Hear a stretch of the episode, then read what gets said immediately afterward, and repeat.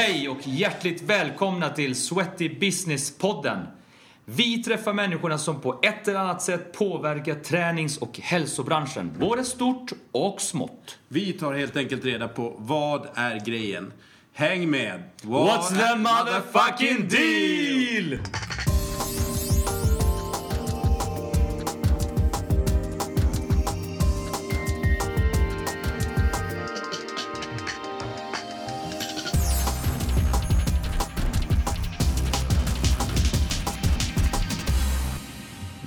Välkommen hit, Monica Björn.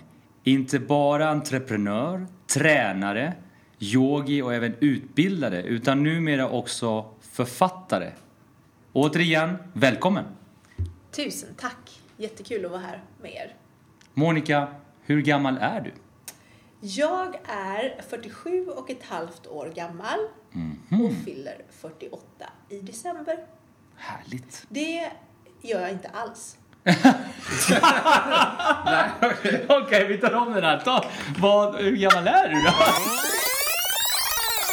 Du, om vi går raskt vidare då. Var någonstans är du, är du uppvuxen? Jag är uppvuxen på västkusten Mm. i eh, Onsala, fyra mil söder om Göteborg. Och där eh, bodde jag fram till sena tonåren och då flyttade jag till Storbritannien och så bodde jag i Storbritannien i några år, så kom jag hem och jobbade några år och sen så bodde jag i Storbritannien ytterligare typ fyra år. Och sen så efter det har jag bott i Sverige. Wow. Och, all- och hur, om du säger några år, hur många år eh, pratar vi om? Ja, Alltså det här, samman- det här liksom perioden. Ja, sammanlagt så bodde jag väl utomlands då i sex år ungefär. Mm. Ehm, och eh, de sista tre och ett halvt, lite drygt åren bodde jag i Skottland. Och Mm. Det var faktiskt där som jag började trä- eh, jobba med träning. Okej. Mm. Vad hände innan det? Så hur kom du in på det här med träning? Alltså innan det så har jag ju alltid varit eh, aktiv när jag var, när jag var yngre och sysslade mycket med olika typer av lagsporter, spelade mycket fotboll, hellre än bra ska tilläggas. Eh, Så det gjorde jag väl upp till, jag la av tror jag runt när jag var 16. Och sen hade jag faktiskt några terminer där när jag, när jag gick på någon typ av danslektion, vilket jag inte heller var speciellt sådär jättebra på, men jag tyckte det var väldigt kul. Och eh, i slutet utav gymnasiet, det var liksom då första aerobikvågen nådde Sverige. Så då började jag faktiskt gå på gym och gå på gruppträningsklasser och detta var ju då alltså, ja, väldigt långt tillbaks i tiden. Så det var verkligen den här första aerobikvågen kan man säga. Eh, Så att jag gick mycket gru- gru- gruppträningsklasser och sen då i början av 20-årsåldern när jag flyttade till eh, Storbritannien, då var det ju sådär liksom att jag ville fortsätta och, och, och, och träna och fortsätta att gå på gruppträning. Och kaxig som man är då i, i, i den åldern eh, så tänker man så här, ja men gud vad dåligt det här var. Det här skulle man kunna göra mycket, mycket bättre. ja. Så det slutade med att jag stövlade väl in där på något gym och sa att hej, jag skulle kunna leda klasser där. Eh, och eh, fick en audition och sen så hade jag liksom klasser från veckan därefter. Så att man kan verkligen säga att liksom in i branschen kan man säga att jag halkade på ett ganska så stort bananskal. Men vad, vad gjorde du när du, vad var syftet med att flytta från Sverige utomlands? Ja, men först var det väl kanske en, en direkt längtan av att ta mig på något sätt vidare ifrån Sverige och bara liksom uppleva andra saker och jag älskade det engelska språket, jag älskar språk i allmänhet men, men engelska i synnerhet. Så att jag hade rest ganska frekvent till, eh, till Storbritannien eh, under hela min tonårstid egentligen. Och då blev det väldigt lätt att det blev just Storbritannien. Och sen i början av 20-årsåldern så träffade jag en kille i, eh, i Skottland och, och det var därför jag flyttade just dit. Annars tror jag kanske inte att jag hade valt just Glasgow som är den regnigaste staden i Europa typ. ja. ja, så det var faktiskt det som gjorde att, att, jag, att jag flyttade dit. Och då flyttade jag dit med med, eh, alltså grundtanken var ju liksom att, att bo där i stort sett resten av, av livet. Som man tänker då att allting är för resten av livet när man är den åldern. Eh, Men eh, när det förhållandet sen tog slut kring 94 där, då flyttade jag hem igen. och som sagt fortfarande liksom stärkt utav den här framgången då av att bara kunna gå in på första bästa ställe liksom och säga "Här- hej, här är jag. Ja. Så hade jag då tagit reda på liksom, vilket är Göteborgs liksom, mest eh, populära träningsställe och vart är det liksom folk vill vara. och på den tiden så var det ett ställe som hette Olympic. Och eh, Olympic var samma tidsera som en kedja i Stockholm som heter, då hette Sports Club. Just. Eh, och eh, en annan klubb i Stockholm som också var väldigt, väldigt känd om man var med på den tiden som heter Workouten. Och de här eh, ställena var otroligt innovativa och verkligen några utav de gymmen i, eh, som, som har haft störst betydelse för utvecklingen utav träningsbranschen i Sverige genom tiderna. Alltså den eran kommer aldrig att komma tillbaks. Nej. För det här var ju långt innan det fanns några kedjor eller, eller liksom större koncerner eller eh, eh, Investorpengar liksom i, i, eh, i bilden. Så att, eh, ja i alla fall, då, då var det här stället Olympic i Göteborg som var liksom the place. Så jag körde väl liksom samma taktik där. Hej, här är jag. Nu Vad körde jag du för typ av pass då? allt. Allt? Och det är verkligen så här, det är verkligen ingen överdrift för att på den tiden var det så här liksom att du körde allt. Du körde step, du körde då bodytoning, eh, du körde aerobic eh, och, och liksom du körde det som krävdes. Och step var ju väldigt, väldigt nytt liksom på den tiden fortfarande. Eh, och då hade jag liksom redan provat på det här med eh, eget företagande när jag bodde i, i Skottland. För delvis då så, så jobbade, jobbade jag för eh, några stycken, en, ett gym och en mer liksom tennis-golfklubb som också hade träning. Eh, men sen insåg jag ju då att det fanns ju liksom inga pengar att tjäna där och då såg jag, ja men hur gör andra då? Jaha, de hyr in sig. Och det finns ju liksom ett otal med eh, kyrkhallar och, och skolhallar och så här i, i Storbritannien. Så att jag letade rätt där på närmsta eh, skolhall, eh, fick tag i någon person där på kommunen, hyrde den, köpte mig en gammal rostig eskort eh, eh, herrgårdsvagn. Och eh, räknade snabbt ut att om jag använde de här riktigt billiga steppbrädorna som inte alls ser ut som liksom steppbrädor gör idag och fällde sätena då kunde jag liksom, om jag även använde, använde framsätet, få in eh, typ 15-16 steppbrädor där. Så jag körde omkring där i min gamla röda rostiga eskort eh, till kyrkhalla efter kyrkhall för att jag byggde ju upp den här verksamheten då till gymmet, hem lastade av eh, steppbrädorna och eh, jag kör, hade ju liksom kört då. Jag körde lätt eh, eh, 24-25 klasser i veckan Wow. då. Så att stärkt utav det då så stövlade jag in där på Olympic. Hej! Det här är entreprenörskap. Ja, riktigt. ja du, du vet att när man försätts i en sån situation och man, man är inte rädd för att jobba eh, och man brinner för det man gör. Så det finns inga hinder. Nej.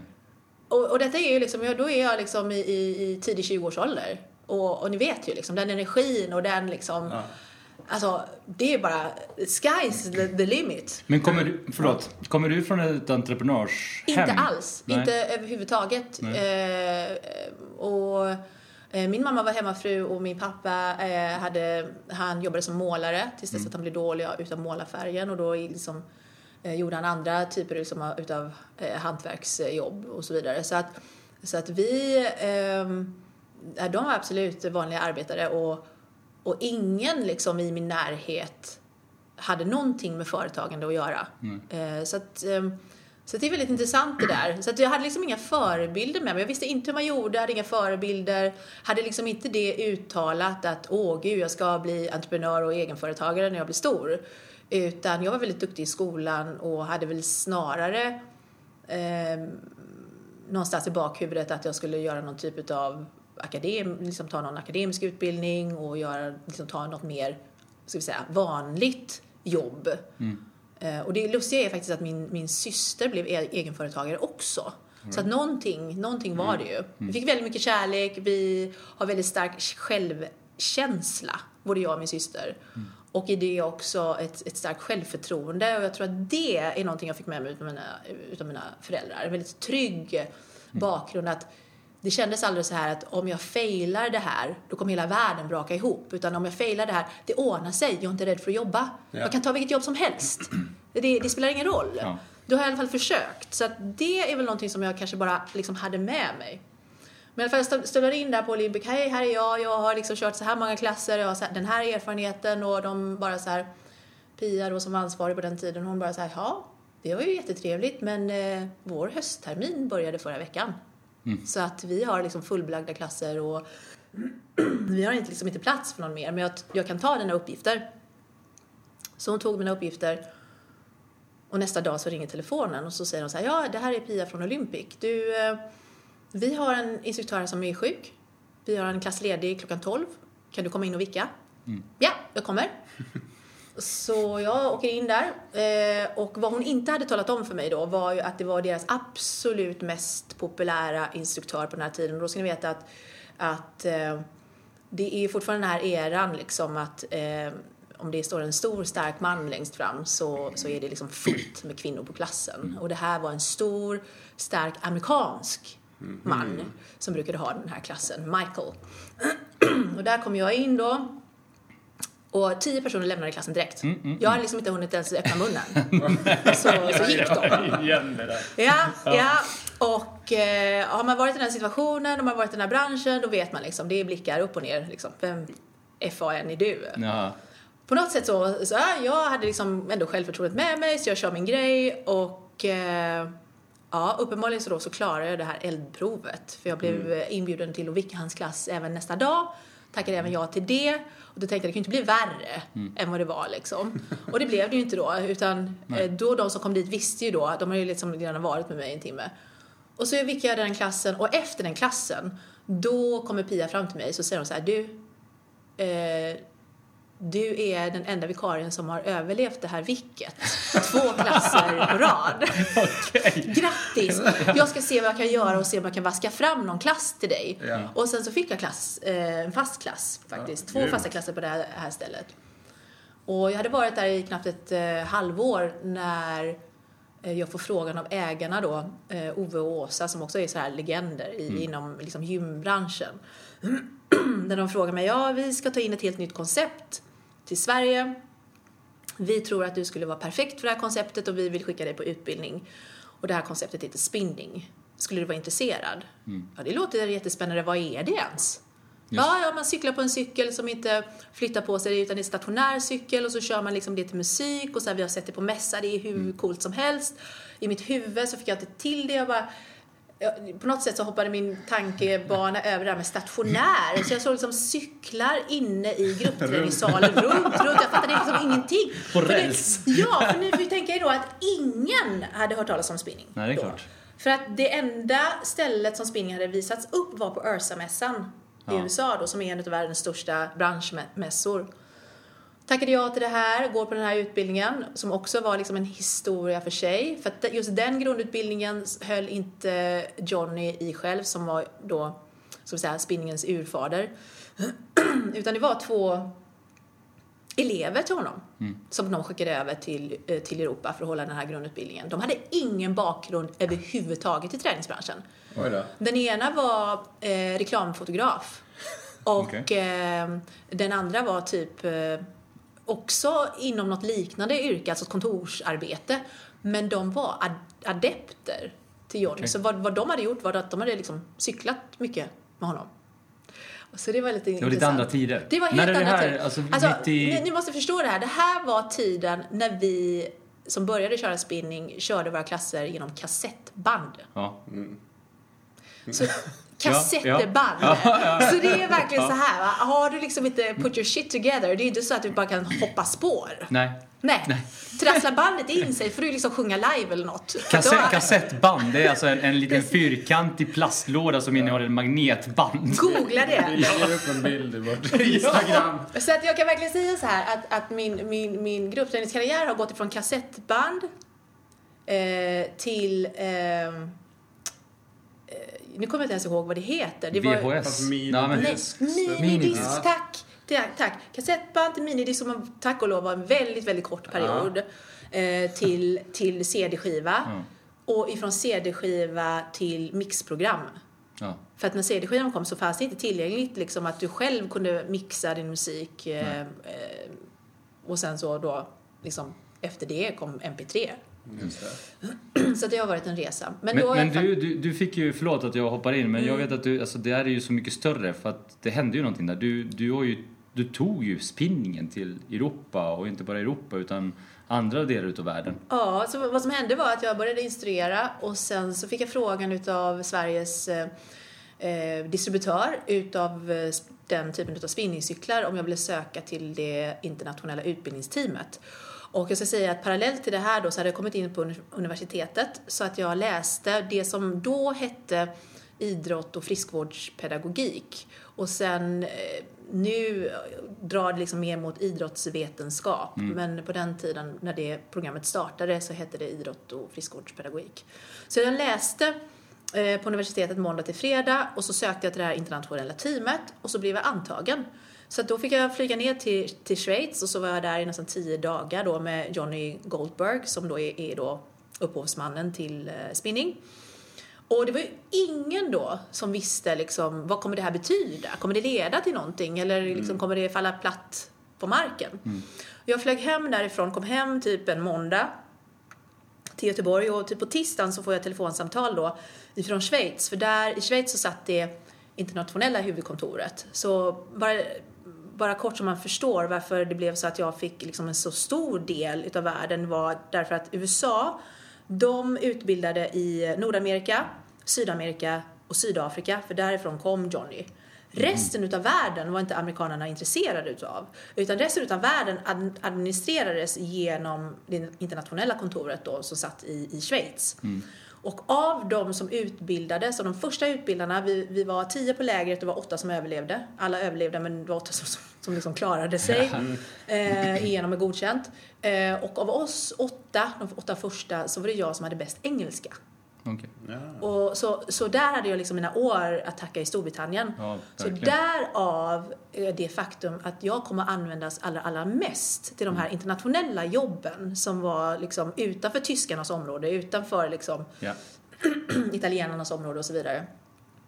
Så det, därför så skickades jag då. Så jag fick det här telefonsamtalet på tisdagen. Kan du flyga ner till Madrid på fredag? Vi har en mässa där.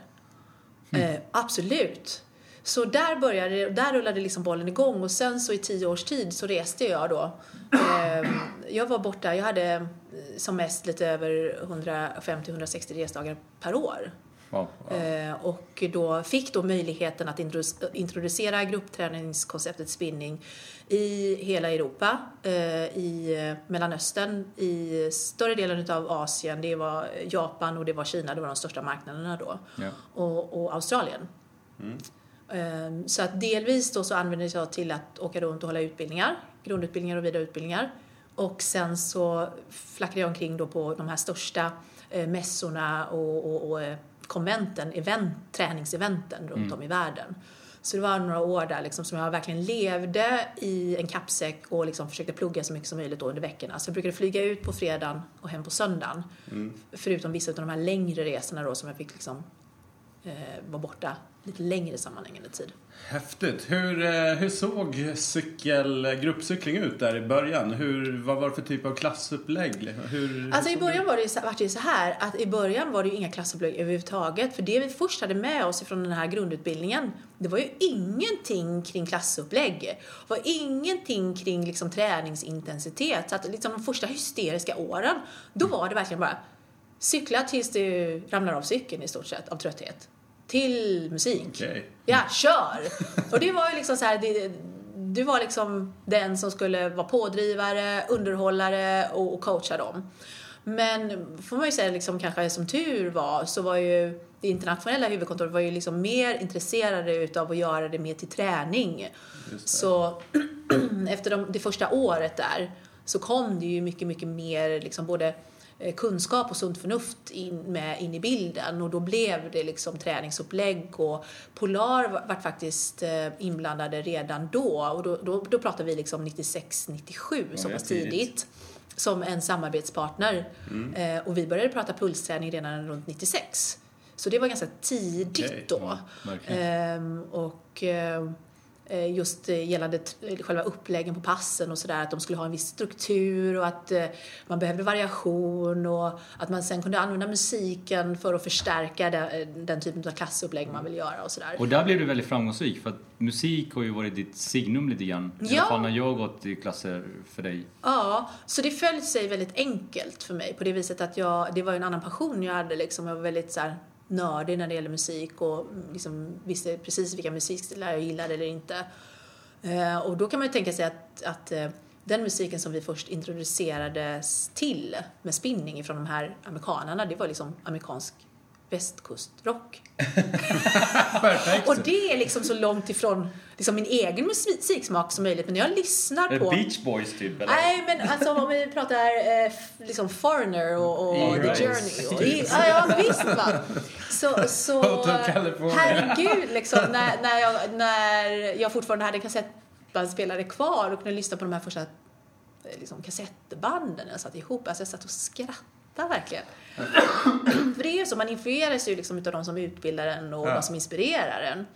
Och sen så gick jag, jag var ganska tidig då, eller väldigt tidig då, att gå över mer på klubbmusik, housemusik, eh, soul, en hel del hiphop eh, och helt annan typ av musik. Så att, Men just det här med, med housen blev väl också ganska tidigt en typ av signum för mig.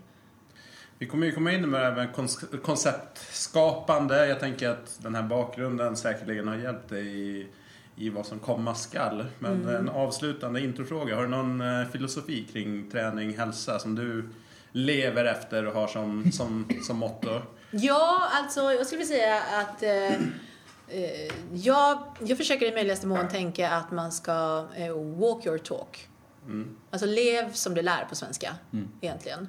Ehm, jag tycker att det är, för mig personligen så är det, är det viktigt att eh, kunna stå för det jag gör, hur jag lever, hur jag tränar ehm, och, och kunna använda mig utav det på, på bästa möjliga sätt och på ett autentiskt sätt.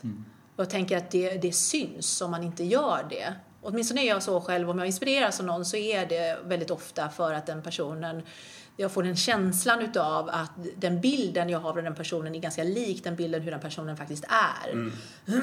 Och att det inte är något liksom så här polished, tillrättalagt utan eh, att, eh, ja, att, att verkligen liksom på något sätt eh, följa de råd som man ger till andra människor. Helt Och rent enkelt. konkret innebär det för dig att du utövar yoga Ja, och du eh, cyklar mindre idag som jag förstår det. mm, jag cyklar mindre. Men alltså jag försöker vara så allround som möjligt. Ja. Alltså jag är en, en, en, en 100% kan man säga generalist. Så det innebär egentligen att jag, jag är absolut inte på några sätt bäst på någonting. Men jag är tillräckligt bra på väldigt, väldigt mycket. Eh, och, eh, och, och sen nöjer jag mig. Så att jag behöver liksom inte springa milen under 40 minuter. Eh, men jag vill kanske kunna springa milen i alla fall under en timme och liksom känna mig stark hela vägen. Och Ja. jag vill kunna eh, marklyfta i alla fall en och en halv gånger min egen vikt. Eh, Jag vill kunna köra olympiska lyft. Jag behöver inte ta PR i det, men, men jag vill liksom tekniskt sett kunna klara av det. Eh, På samma sätt som jag vill kunna göra gymnastiska övningar. Jag vill kunna cykla långt, hoppa högt och böja min kropp i olika, i olika riktningar. Så jag vill verkligen försöka att behålla så många domäner som möjligt inom träning eh, så länge min kropp tillåter mig egentligen.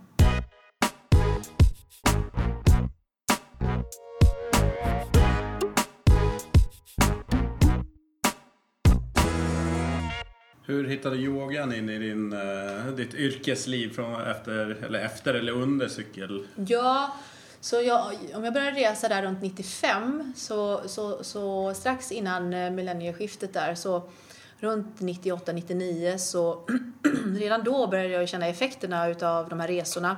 Och leva i en kappsäck, mycket flyg, eh, mycket hotellsängar och stel som en pinne. Många timmar på cykeln. Eh, Så det var faktiskt någonting som gjorde att jag eh, eh, tänkte så här att ja, men jag har ju hört, även på den tiden kunde man ju höra så här att yoga kan vara bra liksom. Och då ska man komma ihåg att det gick ju inte liksom bara att sätta sig ner och googla yoga Göteborg. Nej. i Google fanns ju inte ens då. Nej, Eh, Nej så- precis. nej, Det är lite svårt. Alltså, så här, jag kommer inte ens ihåg liksom att jag, jag är 46 och inte 47. Men, så att liksom år, årtal och, och år är inte sådär jätteviktigt. Men Nej. man får ändå komma ihåg, det här var ganska länge sedan då.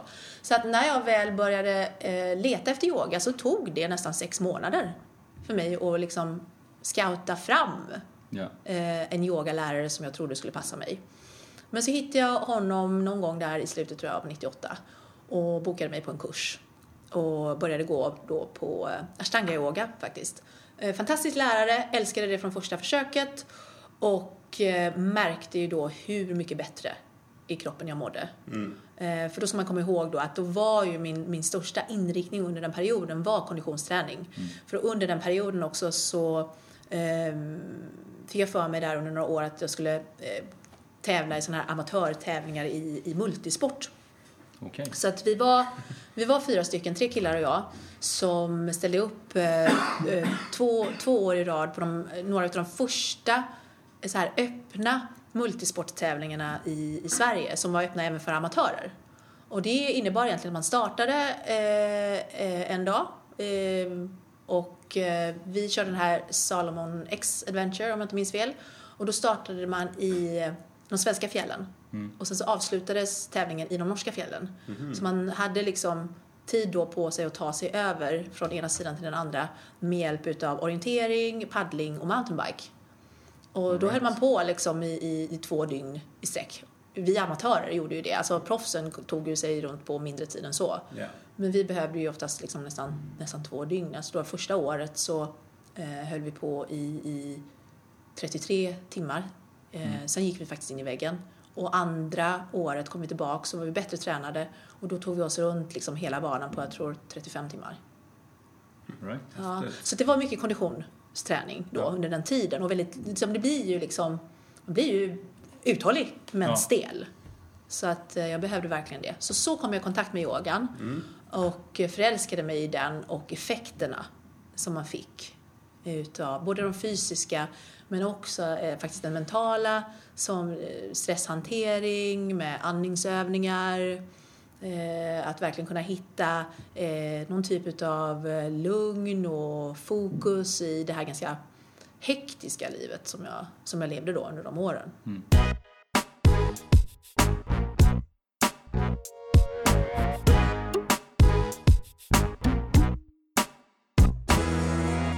Så du hittade yogan och sen vet jag ju att du eh, har ju också utvecklat en hel del olika egna koncept. Det stämmer. Så att jag, man kan säga att eh, när jag då hade börjat med yogan så utbildade jag mig som yogalärare faktiskt bara ett år efter att jag började utöva yoga och började hålla klasser redan då. Och eh, efter det så har jag gått ett otal utbildningar och fortsätter att vidareutbilda, vidareutbilda mig egentligen varje år. Men eh, där någon gång i mitten på, på eh, ja, vad kan det ha varit, runt eh, 2006 kanske, så var jag mycket i USA. Och mycket i USA tillsammans med min vän och kollega Johanna Andersson. Och vi hittade väldigt mycket inspiration i Los Angeles. Och eh, det var ju både inspirerande och frustrerande. Inspirerande för att det fanns fantastiska lärare och fantastiska klasser. Men frustrerande för att eh, vi kom hem till liksom Sverige och tänkte så här, men hur kommer det sig att inte fler människor fattar storheten i yoga? Vad är grejen liksom? Kom igen! Eh, och vi hade ju sett då i Los Angeles att det är fullpackade klasser, jättemycket män och allt liksom ifrån kontorsnissar till väldigt, väldigt vältränade människor som, som gick på yoga där. Och det, det blev ju så att vi liksom satte oss ner, vi var faktiskt på ett eh, stort event i, i Finland och jobbade tillsammans, jag och Johanna. Och vi började diskutera där på kvällen, hur, hur kommer det sig, liksom, hur skulle vi kunna få in mer människor på yogan? Och eh, tänkte vi så här, om, jag, om vi börjar i andra änden då, vad är det som gör idag att inte fler går in på yoga? Och då kom vi eh, liksom fram till det att nej men tröskeln är för hög. Alltså när du, när du söker dig till yoga då vet du absolut inte vad du får. Du kan Nej. lika gärna få en timmes meditation eller andningsövningar som en timme utav liksom jätteavancerade Mm. fysiska positioner. Och du har liksom ingen som helst aning vad det är du kommer Nej, in det känns på. lite halvflummigt. Exakt. Kunde jag säga i alla fall på den tiden, för- ja, för min del. väldigt, väldigt mycket så. Och, och då fanns det ju en del gym, gym som hade yoga, men mestadels av yogan var ju fortfarande på, liksom på yogastudios. Och kommer du Mm. in där, det luktar annorlunda, för de bränner oftast incens som har en viss doft och sen Mm. så klädde sig folk annorlunda. På den tiden får vi tänka liksom att då var det mycket yogamänniskor, det var liksom batik. Det. Och där kom vi liksom i våra färgglada, liksom sponsrade kläder Mm. så här och, och såg ut som två utbölingar ungefär. Ja. Eh, Och eh, dessutom så använder man ett annat språk. Så att går du in, gick du in på en yogastudio så var det bara sanskrit för hela slanten som är ett uråldrigt indiskt språk som inte ens liksom används idag, för, knappt liksom i det vanliga livet utom, förutom i yogavärlden. Eh, Så det var så himla många olika hinder till varför folk skulle söka sig till yoga. Så vad som hände var att vi sa, okej, men vi jobbar ju, vi står ju med en fot i träningsbranschen och en fot i yogavärlden. Så om vi skulle sammanföra dem, hur skulle vi göra då? Ja, det är uppenbarligen svårt att få träningsmänniskorna att ta sig till en yogastudio. Så ha- vad händer om vi gör någonting som gör att vi för yogan till träningsmänniskorna? Ja, om vi får in det på gym då, vad är det för typ av människa liksom vi vänder oss till? Och då kommer vi liksom fram till det, att vi vänder oss till de människorna som går antingen bara i gymmet eller de gick på gruppträningsklasser. Men om vi tänker oss den genomsnittliga gymmedlemmen, oavsett om det var man eller kvinna. Och sen hade vi ju då båda två en förkärlek till värme. Eh, älskade att resa till varma länder. Vi var väldigt förtjusta att träna yoga i värme. Och på den tiden så fanns det i stort sett bara bikram som utövas i 41 graders värme och det är alltid 26 positioner som är exakt likadana och i samma följd. Och självklart då med den kunskapen som vi hade med oss om kroppen och förståelsen så visste vi det. Men det är ju värdelöst att göra samma sak hela tiden. ja. Du måste ju liksom förändra det efter ett visst tag. Och eh, Les Mills fanns ju redan på den tiden. Så att det var ju liksom inarbetat just det här med delvis att sälja program på licens. Det har ju de redan liksom banat vägen för oss. Men också det här med att, att, att leverera en färdig produkt med en färdig så att säga koreografi eh, till gymmen. Eh, för att sen då förnya kore- koreografin med, med jämna mellanrum. Så, så det upplägget tänkte vi behöver inte uppfinna hjulet en gång till. Utan vi kör på den typen av upplägg. Det är den affärsmodellen. Ja, den affärsmodellen är, ute, den är, den är väletablerad. Eh, det enda vi bestämde oss för då var att vi ville köra vad vi kallade säsonger. Och vi skulle köra eh, tre säsonger istället för kvartalssäsonger. Mm. Eh, så vi, kör, vi, vi ville köra en månad extra då. Och, och det var för att vi, tyck, vi tycker att yoga kanske har en lite längre inlärningskurva som man behöver några veckor på sig till. Ja, så vi hade liksom själva idén, tanken klart för oss. I samband med detta så, så startade vi faktiskt en blogg just då som vi höll på med några år. Och efter mycket stötande och blötande kom vi fram till det perfekta namnet på den här bloggen och det skulle vara Mojo. Just. För det var Monica och Johanna plus ordet Mojo. Alltså hur mycket bättre kunde det bli? Det var ju som gjort för oss. Fantastiskt. Eh, och då var det lite ganska lätt då. Ah, ja, men gud vilket bra namn. Då har vi liksom, om vi skulle sälja in ett yogakoncept, ett varmt yogakoncept, då skulle det bli Hot Mojo. Haha, gud vad bra liksom. Ja, ja, ja. Så det var verkligen så här en snilleblixt. Och skulle vi ha ett yogakoncept som var då för för vanligt tempererat rum, ja då skulle det heta Mojo Yoga. Det behöver liksom inte vara mer komplicerat än så. Så exakt så långt hade vi kommit eh, och då, bara några veckor efter detta, så är jag på det gymmet där jag då körde klasser. Som av en händelse råkar vara ägt utav Åsa och Ove som en gång i tiden ägde Olympic, där jag började med spinning. Mycket vatten har runnit eh, under broarna och vi har skilts åt men också hittat varandra igen i deras nya eh, gy- gymkoncept koncept som då hette gymnasium. Och efter en klass jag har kört så springer jag på Åsa och Ove, vi småpratar lite grann. Och så säger jag så här, jag bara liksom slänger ut mig för jag känner ju dem så himla väl. Så säger jag så här, vet ni vad? Eh, ni borde ju verkligen haka på den här nya trenden. Jaha, vad är det? säger de då. Jo men herregud, ni har väl inte missat det, hur stort det har blivit med yoga. Och det som kommer komma, som inte har hunnit hit än, det är ju yoga i uppvärmt rum. Jaha, säger de då så här. Tror du det? Ja, jag är helt säker på det. Det kommer bli så stort. Kan ni tänka er? Jag menar, vi har vinter, sju månader om året, det är iskallt, folk fryser. Tänker att komma in i ett uppvärmt rum, man är varm och enkelt, liksom uppstyrt som verkligen lockar både män och kvinnor. Och de bara, ha. Ingen dålig pitch. Säger, jaha. Och då säger Åsa, ja, och du råkar givetvis ha den här produkten, eller? Ja, faktiskt så har jag det. Och, och den är helt ny och ni skulle vara först i Sverige. Och det, som, det sjuka är, är att hon vänder sig till mig och så säger hon så här, jaha, har du hört vad vi ska göra eller? Nej, och det hade jag inte gjort. Vi ska bygga om källaren och bygga om där till en stor studio som kan ta upp till 60 personer. Wow. Du, eh, kan inte du skicka mig på mail eh, en spes och vad det skulle kosta? Jo visst, säger jag och går därifrån och bara tänker shit! Oj, jag får nog ringa Johanna nu. Åh herregud. Och några ingenjörer. Ja, så eh, det slutade med att med den pitchen så sålde jag in det här konceptet. Eh, Utan att det egentligen fanns ett koncept. Alltså det, tanken var ju helt, alltså strukturen var klar. Men själva produkten var bara någonting som vi hade liksom pratat om. Så sagt och gjort, vi, eh, vi fick ju då liksom, eh, vi skickade in en offert, fick jag på den. Och sen så tog vi eh, lite bilder där, svinkallt på juldagen så tog vi lite promotionbilder. Och det här får vi också komma ihåg då att det här var ju in- innan Instagram. Så att det var ju eh, eh, så här väldigt eh, ovanligt då. Vi tog bilder i, i, i klänningar och högklackat Jag kommer ihåg de bilderna. bland annat. Och vi tog eh, två huvudstående bilder eh, Ja. där vi har vanliga kläder på oss.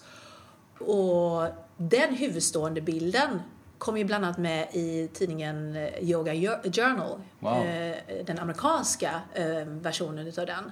För det här, det var liksom så himla ovanligt att nå- någon gjorde yoga i vanliga kläder. Och även den eh, klänning och högklackat bilden användes hur mycket som helst. Så det var liksom, då var det, då på den tiden var det banbrytande. Så Ja. det var ju ett sätt för oss att dra blickarna till sig, att, att visa att yoga behövde inte vara batik eller liksom skägg. Nej, och, och, och, och sitta i rökelse och bara andas. Utan det kunde vara häftigt, det kunde vara liksom ungt, fräckt eh, och i tiden lite mer. Och det gjorde vi för att, att demystifiera eh, själva myterna eh, kring yoga.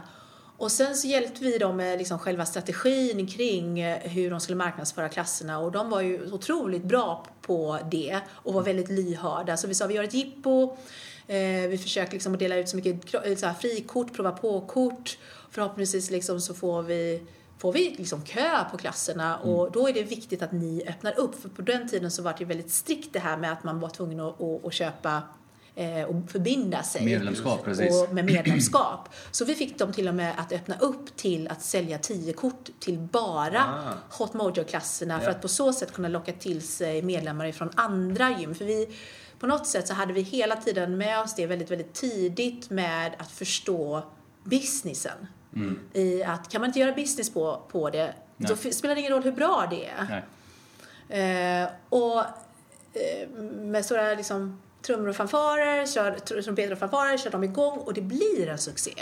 För att de är först och det är nytt. Och bara själva det här med värmen gjorde ju liksom att folk blev, och när jag säger folk, män, liksom bara, ah, men det låter lite macho och sådär. Och så pratade de sinsemellan. Så att det var väldigt mycket killar och män som drogs till den Ja. klassen. Eh, och sen så vad som hände var att eh, då hade de kört i två eller tre månader eh, när jag eh, skickade iväg ett mail där till Sats och säger så här, ja det här gör vi i Göteborg, det är en stor succé, jag skulle vilja boka ett möte om ni är intresserade för att bara presentera konceptet. Får till ett möte, flyger upp och har det här mötet och då med vetskapen att vi kör fulla klasser i den här eh, ver- verkligen stora studion.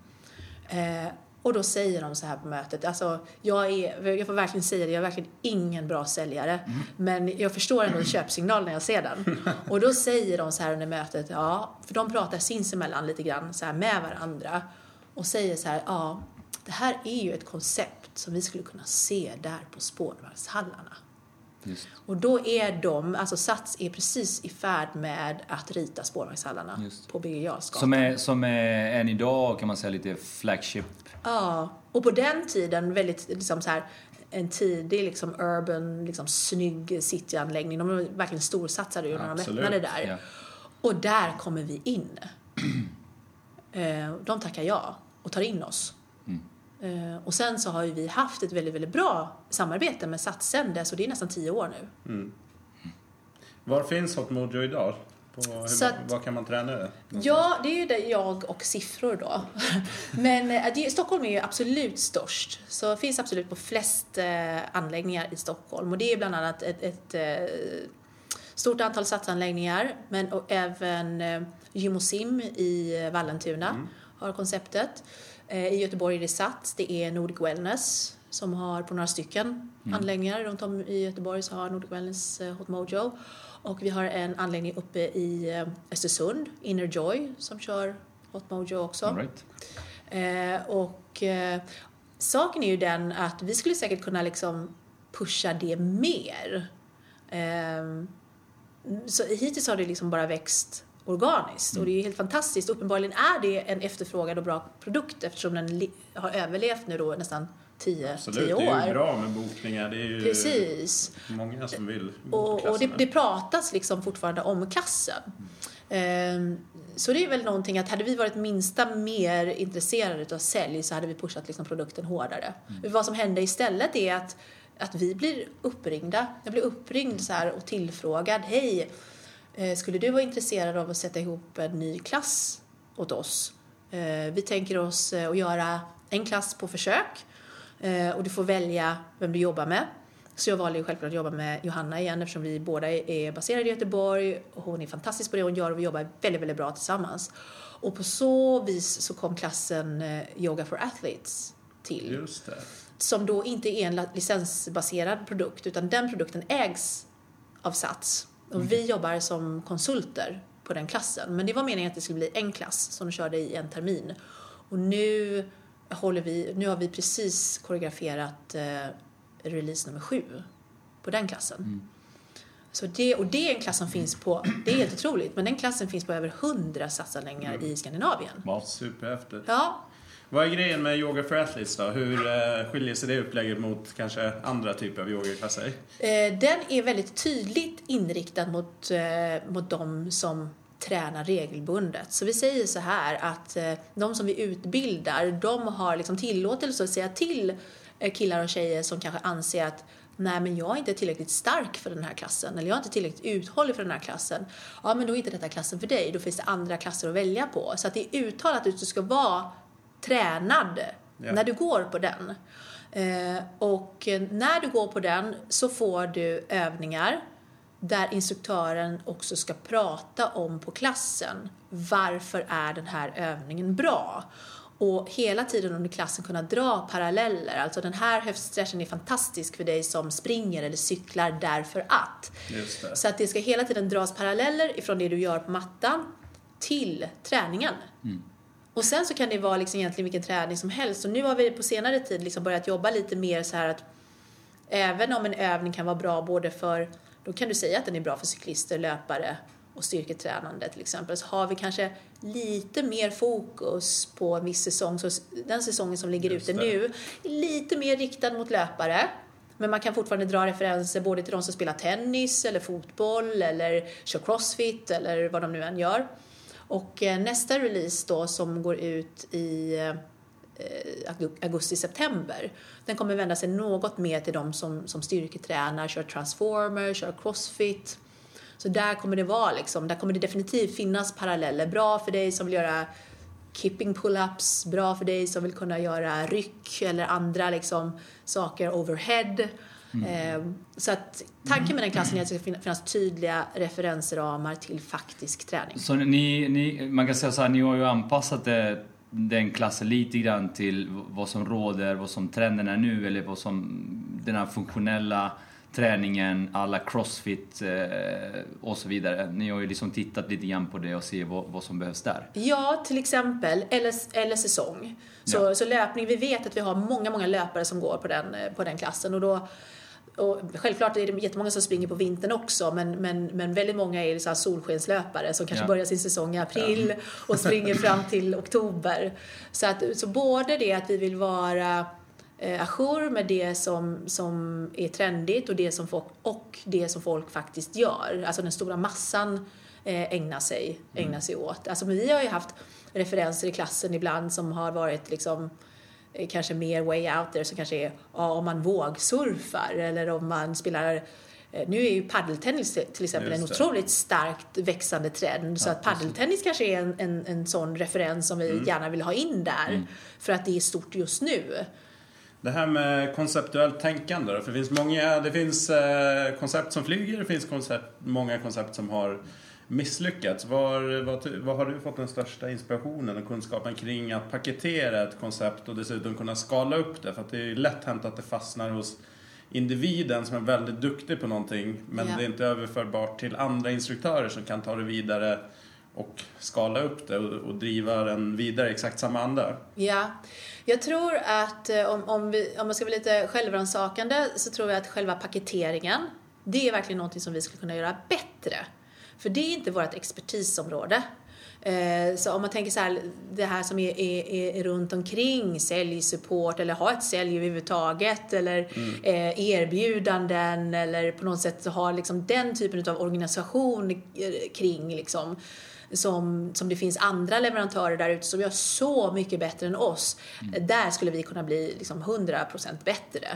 Jag tror att vår, vår styrka däremot, det är att vi väldigt mycket har fingret på pulsen. Vi har en otroligt stark förståelse till vad, vad vill folk ha och vad behöver de. För att det är inte samma sak. Nej, Alltid. så är det. Eller hur? Absolut. Eh, väldigt ofta vill de ha en sak, men vad de behöver är något helt annat. Just det. Och, och på något sätt så har vi en kän- fingertoppskänsla där, där vi kan sammanföra de här två delarna och att det blir tillräckligt mycket av båda områdena för att det ska, räck- eller det ska bli hållbart och intressant över tid. Just det. Och på något sätt så har vi då också förmågan att kunna göra det om och om igen. För tittar vi tillbaks historiskt så kan jag säga rent ärligt, det finns inte ett enda program som, jag, eh, som, jag, som vi har släppt som jag inte känner att vi kan stå bakom till 100% även nu, tio Ja. år senare. Och vi skulle kunna köra program ett nu och det hade känts lika bra som det sista programmet som vi släpper nu till hösten. Så det är vår styrka. Toppen. Men var hämtar ni inspiration ifrån? De här fingertoppskänslan, känna av vart vindarna blåser, vart, Ja. vart fångar ni upp det? Eh, personligen så hittar jag väldigt, väldigt mycket, delvis i min egen träning, att verkligen experimentera, att inte fastna i, i en fast träningsrutin som alltid ser likadan ut. Jag tror också det är det att jag har en medfödd nyfikenhet att testa på nya saker och också utsätta mig för situationer där jag verkligen suger på någonting. Att verkligen vara nybörjare. Så det, det gör jag eh, regelbundet. Jag skulle säga minst vart fjärde år så bokar jag PT-sessioner, någonting som jag aldrig har gjort förut. Mitt senaste till exempel var eh, eh, BJJ. Då, det har jag liksom aldrig te- testat förut. Så bok- Brazilian jiu-jitsu. Ja, be- ja, precis. Och då bokade jag in. Och sen har jag bokat in nu eh, sessioner i modern dans. Det är också något som jag aldrig har gjort förut. Coolt. Och delvis så får jag andra influenser utav det, andra sätt att röra sig på. Andra idéer om eh, hur man kan röra kroppen och utsätta kroppen för, för belastning i, i, på olika sätt. Får olika uppslag på eh, andra sätt att coacha på och instruera på. Och även hur man tar in instruktioner eh, när man är nybörjare. För tappar man det så är det väldigt svårt att vända sig till en bredd. Då är, det väldigt lätt hänt att man helt plötsligt bara smalnar av sitt coachande att, att, att gälla en väldigt, väldigt liten klick. Och vi måste vara så, liksom, nå så mycket, så mycket som möjligt utav den breda massan som möjligt. Så för oss gäller det alltid att skala av instruktionerna till minsta lilla beståndsdel för att göra det så enkelt som möjligt. Och sen är väl också mycket utav inspirationen idag kommer ju faktiskt från sociala medier. Så det är mycket inspiration ifrån eh, Instagram framför allt, tycker jag. Eh, man följer olika intressanta... Har du eh, några konton som du kan, något, något som du kommer på sådär på rak arm? Ja, alltså en stor inspiration för mig i min egen träning just nu det är definitivt eh, Fanny. Eh, Fanny Josefin kallar hon sig Ja, på. Ja. på, eh, på Instagram. En urstark tjej som, som kör jättemycket häng och drag. Eh, hon, kör ju andra saker också men eh, hon lägger upp otroligt mycket inspirerande film och sen så är hon liksom en superwoman så att hon gör ju väldigt mycket saker som man inte ens är i närheten utav att klara Nej, av. nej, absolut. Men jag tycker hon är otroligt eh, inspirerande och hon har också väldigt, eh, vad ska vi säga, José-fri och ganska lekfull inställning till, eh, till träning som, som, som jag gillar och hon verk, verkar vara, vi har inte träffats live än, men hon verkar vara en väldigt glad och, och ödmjuk person så att hon, hon tycker jag är, är, är väldigt inspirerande. Ehm, och annars så ehm, Självklart eh, inspireras alltid utav Ido. Kanske inte så mycket på Ido Portal. Eh, Ido Portal.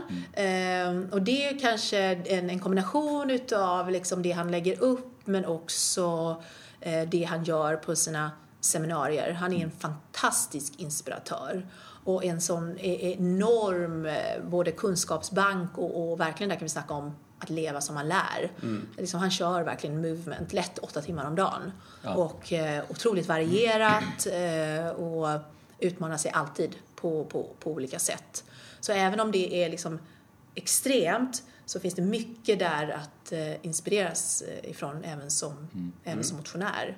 Så det är några stycken. Bra tips. Bra tips. Men nu ska vi se. Spinning. Tagit spinningen och gjort det liksom populärt och tagit ut det till massorna. Hittade yogan. Hittade ett hål på marknaden där ni kände att men, yoga måste också ut i massorna och då skapar ni ett eget företag tillsammans du och Johanna och ni skapar egna koncept idag. Ni har ju flera koncept, det vet ju Mojo Flex bland annat som Ja. är mer en rörlighetsspass kan man säga Ja. som jag tycker är helt fantastiskt. Eh, ni har olika affärsmodeller. Ni har ju Hot Mojo som är en affärsmodell där man köper en licens. Eh, och ni jobbar också som konsulter. Ehm, till att du idag har faktiskt nyligen släppt en bok. Ja, det stämmer. Berätta vad det är för bok och berätta hur, hur ja, det gick till.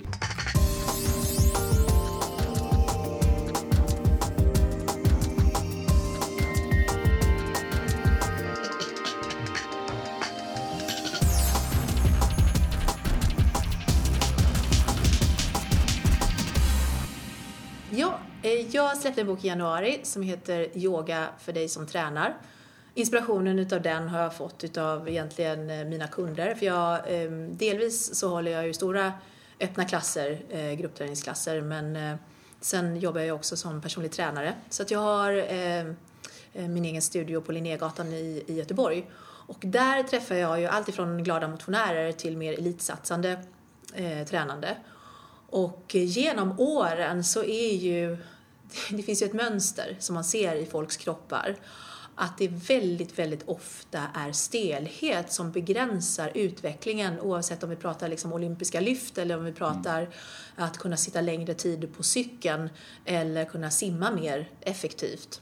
Eh, och utifrån det som jag då plockade med mig under de här, vad ska vi säga då, senaste decennierna så fick jag uppslaget till den här boken Yoga för dig som tränar som verkligen vänder sig till män och kvinnor som vet med sig att de behöver mer rörlighetsträning och mer rörlighetsträning gärna för att kunna bli ännu bättre på sin utvalda idrott för de är aktiva idag. Eh, och efter mycket om och men så bestämde jag mig för att begränsa eh, som utbudet av sporter som representeras i boken så att de idrotter som är representerade, det är bland annat de som syns på, på klassiken. Så det är längdskidor, det är cykling, det är simning, det är löpning. Och sen är det styrketräning och det styrketräningskapitlet då ska ju verkligen också innefatta de som kanske kör crossfit eller de kör transformer eller andra typer utav mer hitbaserad eh, träning. Ehm, och eh, i den boken då så pratar jag om liksom, det här behöver du tänka på. Om du är stel, för den här boken är skriven till dig, så kommer det vara ett stort, både psykologiskt och fysiskt motstånd i början. Och det är inte kul. Så för dig är det viktiga, liksom, om du passar in i den kategorin, att sätta ett, ett, svara på frågan varför gör jag det här? Så att du har väl en väl uttalad målbild när det tar emot. Och sen egentligen kontentan utav eh, själva upplägget med rörlighetsträningen, det är gör det inte så komplicerat. Det är bättre att du gör 10 till 15 minuter i samband med din vanliga träning så ofta du bara hinner i veckan oavsett om du är liksom utomhus eller om du råkar vara hemma i närheten av yogamatta. Ja. Eh, bara du får det gjort. Och sen är det en bonus om du får till ett längre rörlighetspass också. Och är du så att du verkligen är tävlingssatsande, ja men då ska du inte under tävlingssäsong liksom gå in och köra långa, eh, långa klasser. Utan då ska du underhålla det, den rörligheten som du kanske har lyckats Ja. eh, få till liksom under, under off-season. Eh, och det är inte heller meningen att den yoga ska vara till för att du ska kunna stoppa foten bakom huvudet. Inte på något sätt. med? Höger tå, vänster ja, ja, öra. va? Nej men alltså det är många som får den här bilden, spektakulära bilden utav liksom saker och ting man har sett på sociala medier vad yoga är. Det är liksom inte frågan om det. Frågan, liksom det som, som vi försöker lösa med den här boken, det är de här vardagliga stelheterna som vi alla har med oss av att vi sitter för mycket, att vi är för mycket på, på skärm, att vi har mycket, för mycket skärmtid. Eh, De här andra timmarna på dygnet som vi inte är ute i löpspåret, som vi inte är i bassängen, som vi inte är på gymmet. Det är liksom att vi motverkar gravitationen, gra- gravitationens kraft på kroppen i stort sett och ålderns kraft på kroppen. Eh, Så att den är ju skriven på ett sånt sätt som jag hoppas ska tilltala dem som inte någonsin har satt en fot på yogamattan. Eh, Och jag har också därför valt en manlig modell på, på alla yogapositionerna som dessutom har synliga muskler Ja. i vanliga sportkläder. Det ska liksom inte vara en supervig eh, tjej där som, som, som visar supersnygga poser som man tänker så här, de där kommer jag aldrig liksom komma i närheten utav. Tröskeln blir för hög, Ja. återigen. Så det, det är tanken med, eh, det var tanken med boken. Och det har gått bra, så Det jag har förstår gått det. bra, ja. Det är ju liksom överraskande, för man vet ju inte det när man sitter där liksom på kammaren och skriver. Kommer någon någonsin att läsa det här? Men, men eh, som jag nämnde för dig Norberto, när Ja. vi pratades vid häromdagen, så var alltså min personliga seger var när jag fick ett ja ifrån förlaget. Mm. Och då var det verkligen så att ja, köper någon boken så det är ju liksom en bonus. Ja. Hur mycket hade du gjort eh, innan, eh, innan du presenterade för förlaget? Hade du börjat liksom skissa ut och skriva eller presenterade du först en idé? Vill ni sen ha se- den råa sanningen? Ja, Ja, ja, vi vill ha den råa sanningen. Ja, okej. Den råa sanningen, eh, den osminkade sanningen är följande att jag hade ju haft den här idén. Så att jag hade slipat på den lite grann i huvudet. Jag hade hyfsat klart för mig, vad är, vem är målgruppen? Eh, vad, hur skulle jag liksom lägga upp den grova strukturen på boken? Eh, men sen så liksom fick jag liksom aldrig tummen ur. Och sen så var jag i slutet utav sommaren eh, förra, förra året är det väl, ja ni ser ju, jag år. Eh, så vart jag så här lite frustrerad av, av olika skäl och tänkte, det var faktiskt under ett löppass, så kom jag på det här, ja, det här med boken då. N- när ska det hända? Och den tanken ledde vidare till att, ah, känner jag ens någon som jobbar med böcker? Kan jag ens börja i den änden? Liksom? Eller ska jag bara liksom googla och få fram en adress till någon? Och då kom jag fram till att jag faktiskt kände någon som i alla fall hade jobbat med böcker. Så då skrev jag ett mejl till eh, Ove Rytter, som är en sån känd träningsprofil. Eh, för honom kände jag ändå tillräckligt väl liksom, för att kunna bara att hej, jag har en bokidé. Jag skriver till dig för jag vet ju liksom att du har haft ett förlag. Eh, I grova drag så är det det här. Jag vill skriva, eh, så skrev jag tre meningar om vad boken skulle handla om. Eh, tror du att ett, det är en bokidé som håller. Två, vilket förlag tycker du att jag skulle i så fall vända mig till? Och jag får svar inom några timmar utav Ove, eh, bless his soul, så att han skriver tillbaks, jag tror stenhårt på den här idén, jag tror att tiden är rätt, jag tror att det definitivt finns en marknad. Jag tycker att du ska börja med någon av de största förlagen, antingen Bonniers eller Norstedts. Och så efter det så får jag liksom ett mail till. Ja, Bonniers har precis, eh, nej, då ska jag säga Norstedts vet jag precis har gjort en lite större satsning på träningsböcker. Eh, jag har ett namn där, eh, det är den här personen. Jag skriver till henne och CCar dig. Och sen dröjde det bara några timmar till, då hade han skrivit det här mejlet till den här personen. Jag har en kontakt inom träningsbranschen, hon har en bokidé som jag tror på, vem ska hon skriva till? Mm. Och då fick jag ett mejl tillbaks utav den här kvinnan, hon ska skriva till den här personen. Så så fick jag liksom bara namnet på rätt person. Då hade jag ju fortfarande ingenting. Här kommer det då.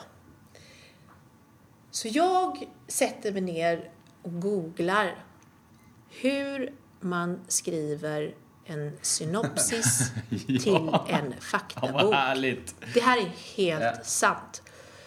Upp kommer på första sidan eh, massa träffar då. Och så scrollar jag ner och jag tror att det kan ha varit fjärde eller femte träffen. Och det är mer eller mindre exakt så som jag har skrivit. Right. Synopsis till faktabok. I, i eh, tio punkter eller något sånt där. Trycker på den, läser, printar den, sätter mig ner och gör exakt som det står på den guiden. Och sen skickar jag in det. Och sen får jag svar efter tre eller fyra dagar. Låter väldigt intressant.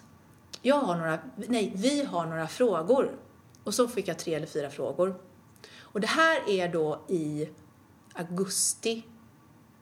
Och sen har vi mejlkontakt fram till december. Där de har lite frågor, vi bollar lite grann fram och tillbaka. Så, så i december har jag fortfarande inte fått ett nej. Eh, Och då skriver hon så här till mig, nu kommer det bli stiltje här ett tag och vi har någon, en stor viktig mässa. Så bli inte orolig om du inte hör ifrån mig förrän tidigast i februari. Så jag har inte fått ett nej, men jag har inte heller fått ett ja. I februari Lite småjobbigt. Ja, lite då. Så att, Ja. så att eh, liksom, mentalt så tänker jag så här, okej, jag har inte fått ett nej. Allting som inte är ett nej är i alla fall bättre än ett nej. Ja. Så i februari så får jag då ett mail eh, i slutet av februari och då är jag liksom så här, slits mellan, ska jag liksom ligga på dem, ska jag avvakta, vad gör jag? Men så kommer ett mail, förlåt att jag dröjt så lång tid. Vi skulle vilja ha ett provkapitel ifrån dig. Och då ska ni veta, det är inte det att jag har skrivit någonting under den här tiden. Jag förstår. För det har jag inte hunnit. Plus att jag tänker så här, ja, vad gör jag om jag får nej då? Ja, men då försöker jag med Bonniers. För för mig var det så här, liksom, mentalt hade jag redan bestämt att jag går på de tre största. Så jag hade en lista, de här tre. Får jag nej av de tre, då lägger jag ner det. För jag, i det, jag var inte intresserad av att ge ut en e-bok. Jag var bara intresserad av att ge ut en bokbok som någon trodde på. För tror de inte på den så är inte idén tillräckligt bra. Så resonerade jag.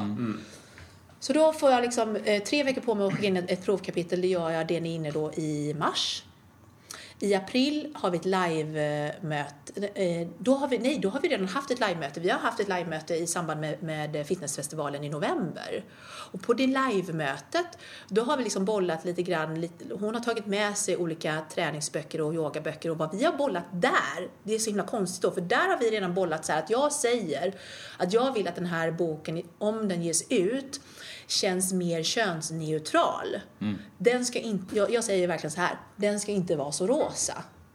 Och den ska inte heller vara så mycket liksom idrottshandbok. Nej. Och de förstod precis vad jag menar. Jag vill ha en bok som också är estetiskt tilltalande, men den ska vara könsneutral så att den, den ska verkligen bara både attrahera både män och kvinnor. Ja, i, i, i april då, då får jag ett mejl. Jag ringer dig, du har fått kontrakt. Wow. Jag får ett telefonsamtal eh, samma dag. Eh, nu är det så här Monica, vi vill jättegärna ge ut din bok. Vi tror på den. Eh, och eh, nu ska du veta att du får jättegärna säga nej. Vi skulle vilja ge ut den i januari. Om den ska ges ut i januari så är sista inlämningsdag på manuskriptet 31 maj.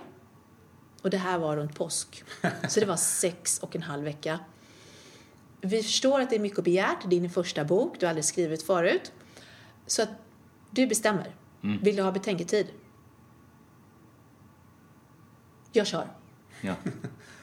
Så jag åkte hem och så skrev jag till alla mina PT-kunder eh, som jag kör på måndagar, onsdagar, fredagar. Jag har fått möjlighet att uppfylla en dröm.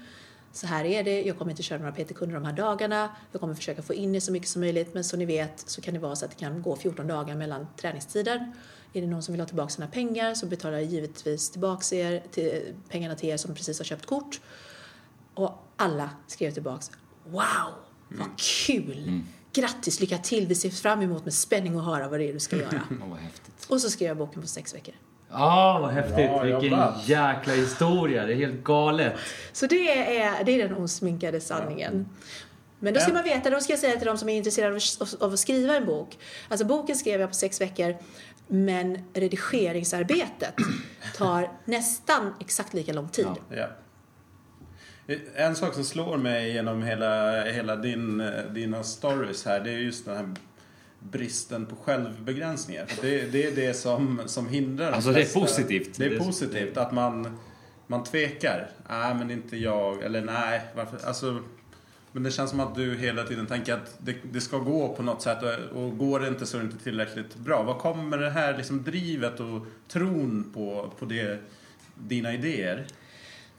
Jag vet faktiskt inte. Eh, det, det är väldigt intressant för att eh, någon där eh, som jag träffade i samband med att boken hade släppts eh, sa det, eh, gud vad härligt, grattis, du är så bra och du är så ambitiös. Och det var, eh, så här, det var verkligen ett samtal som satte sig. Jag kom, jag kom ihåg att jag, jag kom hem liksom till middagen den kvällen och så sa jag så här till, till min man, skulle du liksom använda skulle du använda det adjektivet ambitiös eh, på mig? För att ambitiös i min värld, det är en kvinna i en snygg dräkt, högklackade skor som har gått ut juristprogrammet liksom med flying colors, först i klassen, blivit headhuntad, ni vet, till Stockholms eh, största advokatbyrå, är partner innan hon är 25, eh, liksom Det som vi kallar för karriärkvinna. Ja, det för mig Ja. ligger liksom bakom ordet ambitiös. Ja. Eh, och på något sätt så har det låter kanske konstigt men det har ändå skett på något sätt organiskt över tid. Och det är inte så här, jag har aldrig haft den uttalade planen. Och kanske är det därför att jag inte har haft den uttalade planen, att jag har haft en spikrak väg till någonstans dit jag ska, att jag har varit orädd. För att hittills har det ju gått bra. Ja. Vad är det värsta som kan hända? Men har du aldrig fått ett nej? För jag tänkte så här, hela den här historien nu när vi har suttit och pratat. Ja.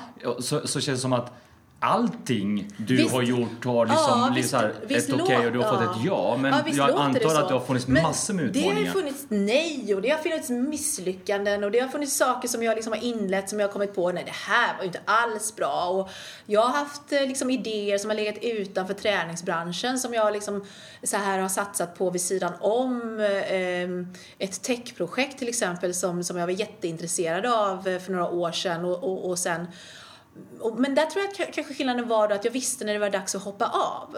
Och det knäckte inte mig för att det finns andra saker att göra. Men jag kanske nu när liksom jag tänker efter att man får gå tillbaks till det vi pratade om i, i, i början av det här samtalet. äh, Kanske kommer den här oräddheten ifrån den här grundtryggheten som jag ändå har med mig hemifrån. Att, jag, att, att självkänslan i att ett misslyckande i, vad ska vi säga då, i mitt arbetsliv eller min karriär det är, inte det är inte jag som person utan det är liksom jag i min yrkesroll och det är två helt olika saker. Och sen har det varit väldigt viktigt för mig och framför allt de senaste åren att ha ett väldigt, väldigt bra och väl fungerande privatliv. Och därifrån kan jag hämta hur mycket trygghet som helst i det. För att i Ja. slutändan så är det min familj och mina nära och kära, det är det som verkligen, verkligen, verkligen betyder någonting. Skulle jag förlora någonting där eller någonting skulle hända där, då skulle jag vara helt en liten blöt fläck. Medan det som sker i mitt yrkesliv, det är liksom mer, det är lattjo. Ja. Det är min passion, det är jättekul. Men det kan inte knäcka mig på det sättet som någonting som verkligen, verkligen ligger mig nära om hjärtat skulle kunna göra. Och jag tror att det är det jag hämtar liksom kraften ifrån och, styrkan ifrån. Smart. Um, avslutningsvis då, framtidsspaningar. Har du några tankar om och saker som du kanske ser eller tror kommer hända inom träningsbranscher? Mm. Branschen.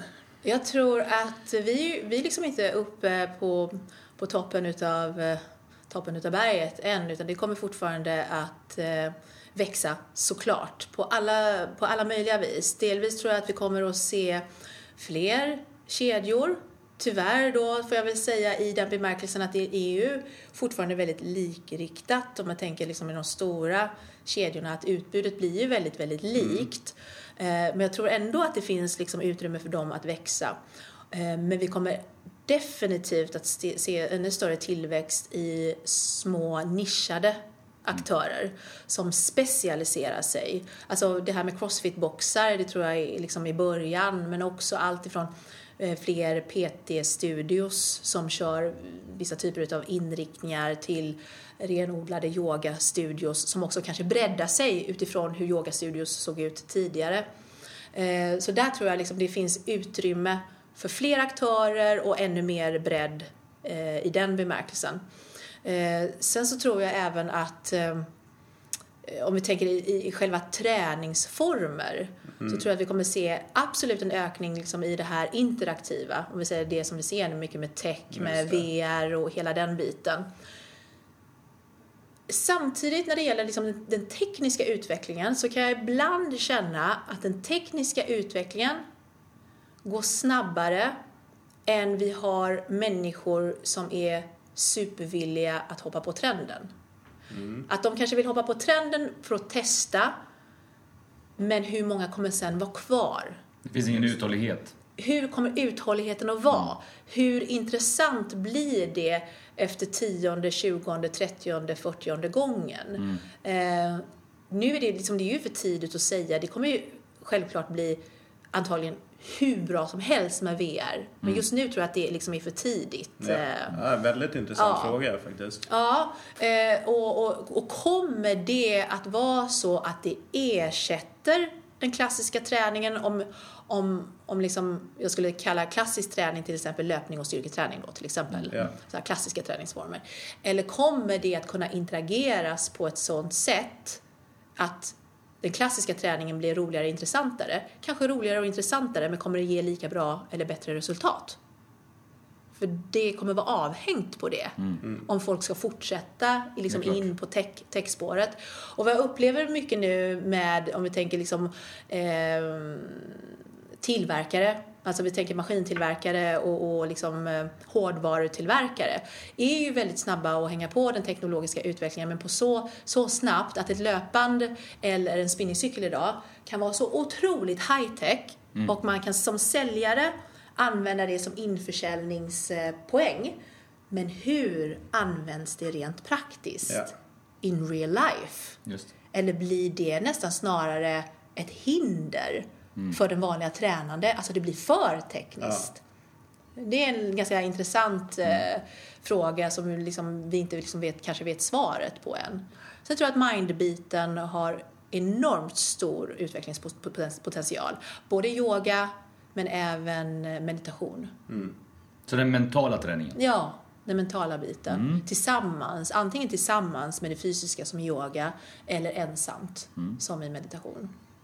Super. Kul. Om man vill eh, följa dig i, i vardagen eller komma i kontakt med dig, vart eh, sociala medier, mail, var, kan man nå dig? Ja, jag har en hemsida som är Monica med K, monicabjorn.se.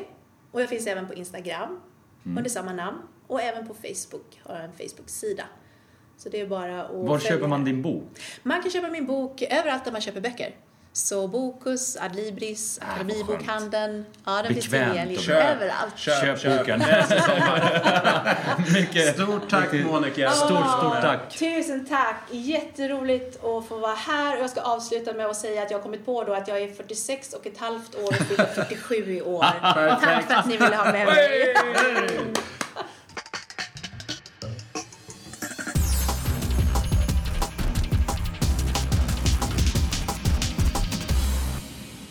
Gillade ni det ni hörde alldeles nyss så tycker jag att ni ska följa oss i sociala medier. Vi finns på Instagram, Sweaty Business, Facebook, likaså Sweaty Business och YouTube, Sweaty Business. Och vill ni komma i kontakt med oss via mail så kan ni mejla till sweatybusinesspod med ett d snabel gmail.com.